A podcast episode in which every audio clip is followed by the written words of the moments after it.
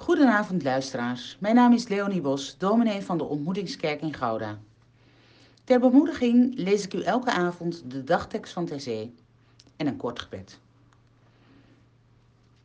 Jezus zegt, het koninkrijk van God lijkt op een zaadje van de mosterdplant dat iemand meenam en in zijn tuin zaaide, waarna het groeide en een grote struik werd, waar de vogels van de hemel in de takken kwamen nestelen.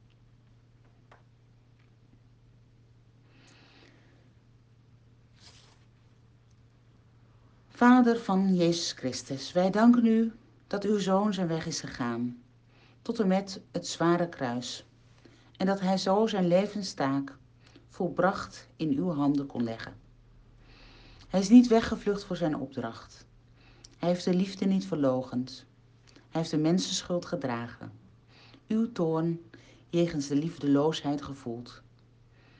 Laten wij, nu Jezus zoveel heeft gedaan voor ons en voor de mensenwereld, de weg verlaten van haat en nijd en het de weg gaan van uw Zoon, het pad van een grenzeloze liefde. Wees na de nacht van Golgotha met allen die in het duister leven. Wij brengen bij u onze schuld, onze vragen, onze eenzaamheid, onze zorgen voor de toekomst van de wereld. Zo bidden wij om uw vrede, vandaag en tot de komst van uw rijk. Amen.